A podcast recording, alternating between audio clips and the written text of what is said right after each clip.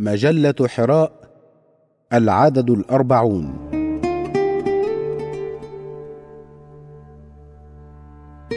الشباب ومستقبل ثورة الربيع الثقافي العربي. بقلم الدكتورة مريم آية أحمد.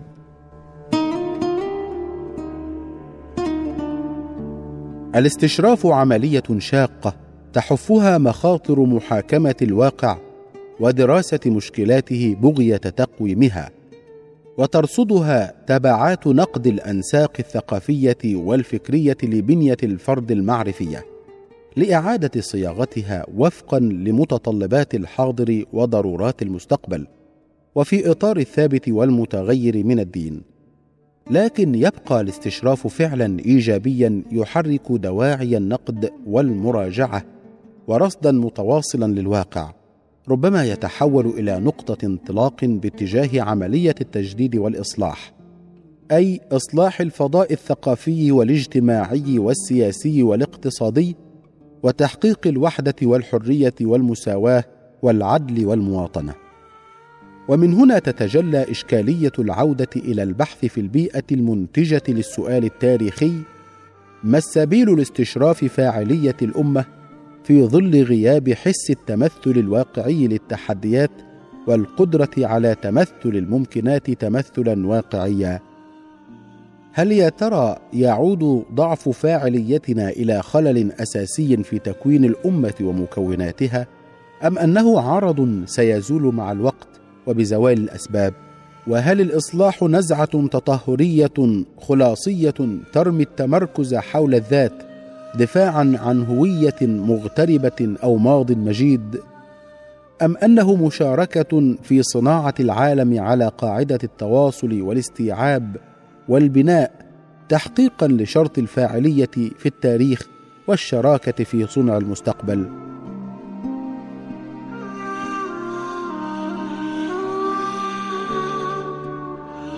إن من التساؤلات حول هذا الوضع ما يقتضي الوقوف على الفرد المسلم ومحاولة تشخيصه بكامل مكوناته ليس من ناحية العبادة فقط بل يكون بالخلل واقعا به في طرق تفعيل عقيدته وعبادته على أرض الواقع. وما تعانيه الأمة يعود في الأساس إلى فشل المشاريع النهضوية في بناء الإنسان الرسالي. فلو نظرنا إلى الفرد باعتباره نتاج الأمة والأمة غير سليمة وغير خالية من العيوب. وسايرنا كون حال تردي الفرد من تردي الأمة شأنه في ذلك شأن البذرة التي تغرس في أرض مجدبة تعرقل عناصر النماء الكامنة في البذرة. فإننا بذلك نوقع على ترخيص بمنح الفرد في أمتنا عذرا قويا في تراخيه وكسله وإحباطه. ويولد لديه حسا مفعما بالضعف والنقص والهوان ويحول دون بحثه عن عناصر القوة الذاتية الكامنة فيه.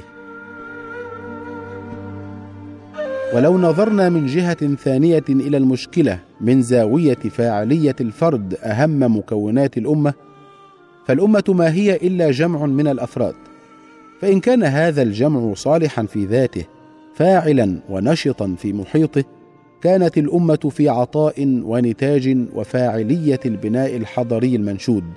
أما إن كان هذا الجمع من الأفراد معتلا في ذاته متكلا في نظرياته مستهلكا لخطابات غيره متراخيا في إنتاج معارفه وفق متطلبات محيطه فهذا بلا شك سينعكس على واقع نتاج أمته الحضري. إن فاعلية الأمة لا يمكن أن تتحقق كما يشير المفكر الأستاذ محمد فتح الله جولن في كتابه ونحن نبني حضارتنا إلا من خلال فاعلية إرادة خدمة أفرادها من الداخل.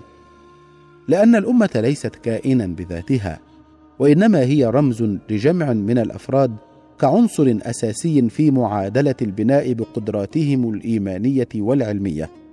واستعداداتهم النفسية والاستقرائية في المشاركة والمساهمة في مجريات المتغيرات العالمية واستلهامهم الشعلة الحقيقية والطاقة المحركة للنهضة في كافة الميادين.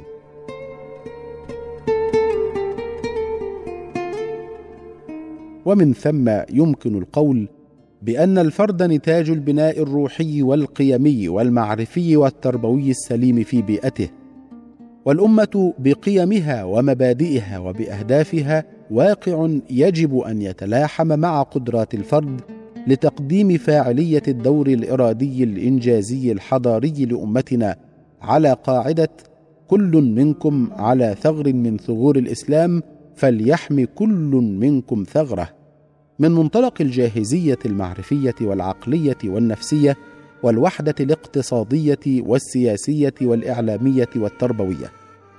والفاعلية الإنجازية لها متطلبات أساسية من أهمها تقوية الدور الفاعلي الإرادي بإيجاد حركة فاعلة وقوية بحصانتها المعرفية والمهاراتية تشارك وتساهم بقوة في دورة الإنجاز الحضاري إن على مستوى مجتمعاتنا أو على المستوى العالمي. وهذا يتطلب إعادة النظر في الإصلاح التربوي وإعداد كوادر ومؤهلات تستخرج المعارف وتطور المهارات. وهذا يتطلب أن يخرج المثقف عن آناه ومصالحها الضيقه ويفكر بمستوى الأمة وتطلعاتها. فالمثقف لا يقاس بحجم المعلومات المتوفرة في ذهنه أو الأوسمة المعلقة على صدره. وإنما يقاس بمدى مساهمته الجادة في مشروع الأمة الحضاري وبمستوى التزامه بتطلعاتها وهمومها. فرجل الاقتصاد والمال مثلا لم يمتلك تأثيره في المحيط الاجتماعي من وجود الثروة وحدها لديه. وإنما امتلك التأثير حينما حول إمكاناته المادية إلى مجموعة من الحقائق الاقتصادية والتجارية في المحيط الاجتماعي. وبالتالي مارس رجل الاقتصاد والثروة دوره وتأثيره في المجتمع عن طريق هذه الحقائق وكذلك الأمر بالنسبة للسياسي والمفكر والمثقف والعالم. فينبغي ألا يكتفي الفرد في الأمة بنتاجه النظري. وإنما من الضروري أن يسند هذه الأنشطة بحقائق ثقافية علمية سياسية اقتصادية وتكنولوجية تعطي لهذه الأنشطة بعد الديمومة والاستمرار. ففاعلية القول المجرد في التأثير ضعيفة واكتفاء الفرد بذلك يجعله في الكثير من الأحيان خارج الحراك الحضاري للأمة المتجهة إلى التطوير والتقدم. ولذلك كان علينا أن نحدد المعنى العام لفكرة التوجيه فهو بصفة عامة قوة في الأساس وتوافق في السير ووحدة في الهدف. فكم من طاقات لم تستخدم لأننا لا نعرف كيف نكتلها وكم من طاقات وقوى ضاعت فلم تحقق هدفها لأنها لم توجه نحو امتلاك حصانة الفاعلية. والتوجيه المقصود هو تجنب الإسراف في الجهد وفي الوقت فهناك ملايين السواعد العاملة والعقول المفكرة في البلاد الإسلامية صالحة لأن تستخدم في كل وقت فالمهم هو أن ندير هذا الجهاز الهائل المكون من ملايين السواعد والعقول في أحسن ظروفه الزمنية والإنتاجية وهذا الجهاز حين يتحرك يحدد مجرى التاريخ نحو الهدف المنشود. وهكذا فإن غياب استراتيجية واضحة في توجيه الطاقات الشابة وعدم الاستثمار في التربية والبحث العلمي باعتبارهما قطاعا استراتيجيا والشح في الإنفاق عليهما عوامل انعكست سلبا على الواقع الاجتماعي والاقتصادي والسياسي للأمة الإسلامية. وكلها عوامل تبرز مستوى فشل المنظومة التربوية في تحقيق أحد أهم أهدافها وهو إيجاد أفراد فعالين في تدخلاتهم. وقد أدى فشل سوء التدريب ونقص فعالية الأفراد إلى الشعور بعدم الثقة بالنفس وإلى السلبية في مواجهة التحديات والشعور باليأس والإحباط لدى غالبية جيل شبابنا ممن نتواصل معهم سنويا من خلال فصول الجامعات.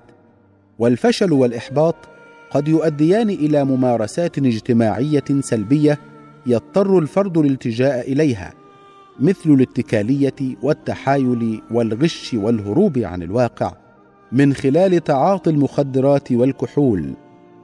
كما أن اليأس والإحباط قد يؤديان إلى التطرف الأيديولوجي والديني.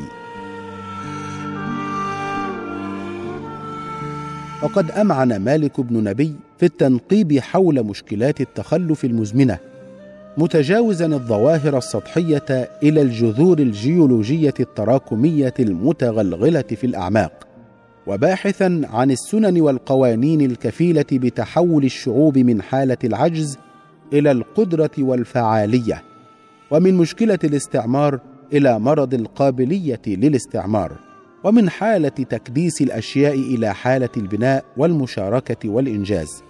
ومن المطالبة بالحقوق إلى القيام بالواجب أولا والانتقال من عالم الأشياء والأشخاص إلى عالم الأفكار التي بها نبدأ بحل مشكلة التخلف. ويجب أن نصل إلى قناعة حتمية بأن مفاتيح حل المشكلات هي في الذات لا عند الآخر.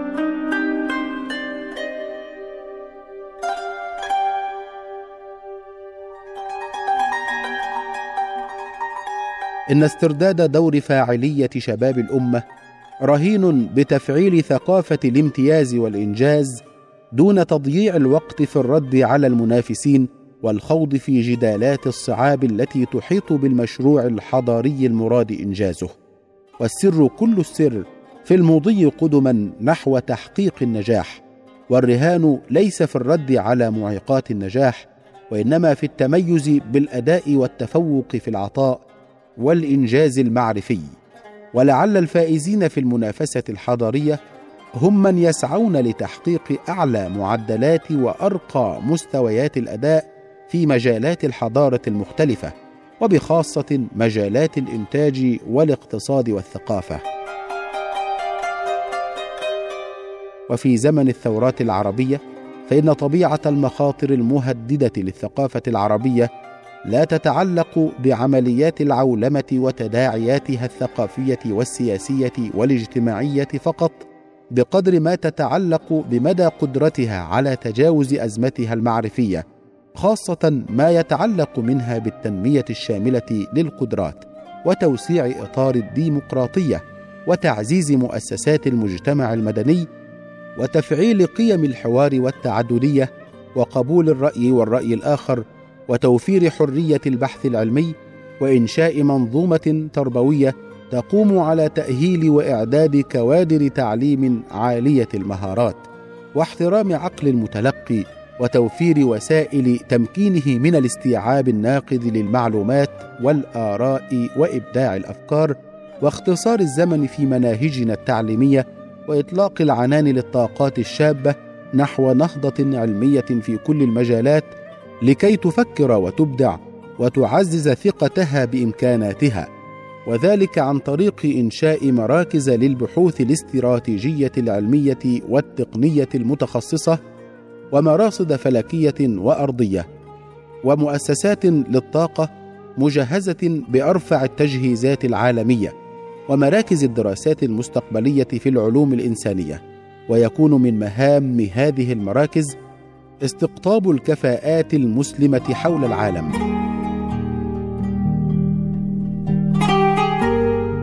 إن نظرة مقارنة للقواسم المشتركة بين الثقافات الفاعلة التي ولدت حضارات شامخة وعهود أنوار ذهبية عبر التاريخ تظهر أن الثقافة الفاعلة تتميز بسمتين أساسيتين.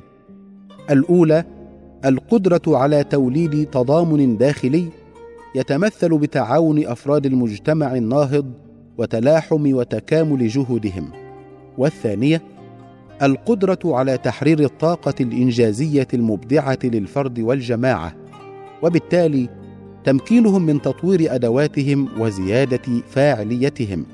وهذا يقودنا إلى تحديد المساهمة الرئيسة للمثقف في تأسيس ثقافة الفاعلية وإحداث نهضة إصلاحية على كافة المستويات وذلك بالدخول في عملية نقدية للثقافة السائدة الاتكالية الانهزامية وفقدان الثقة بالذات الغش ثقافة الاستهلاك ثقافة المؤامرة الإحباط واليأس الفرقة والتجزئة تقديس الذات ونفي الآخر.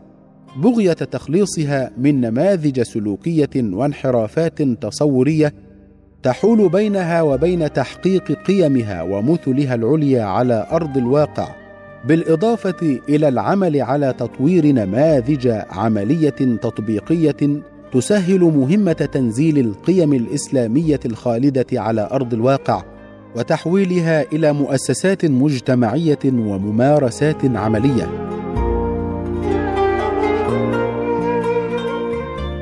ومن المؤكد أن تنمية ثقافة الفاعلية الإرادية في زمن ربيع الشباب العربي تحتاج إلى تفعيل ثورة ربيع ثقافي في مجتمعاتنا ودمجها العضوي في مؤسساتنا التعليمية ومجتمعاتنا كحاجة ملحة لأسئلة التمكين المعرفي لما بعد الربيع العربي وذلك بما تحمله في طياتها من قيم معرفية وثقافية هامة.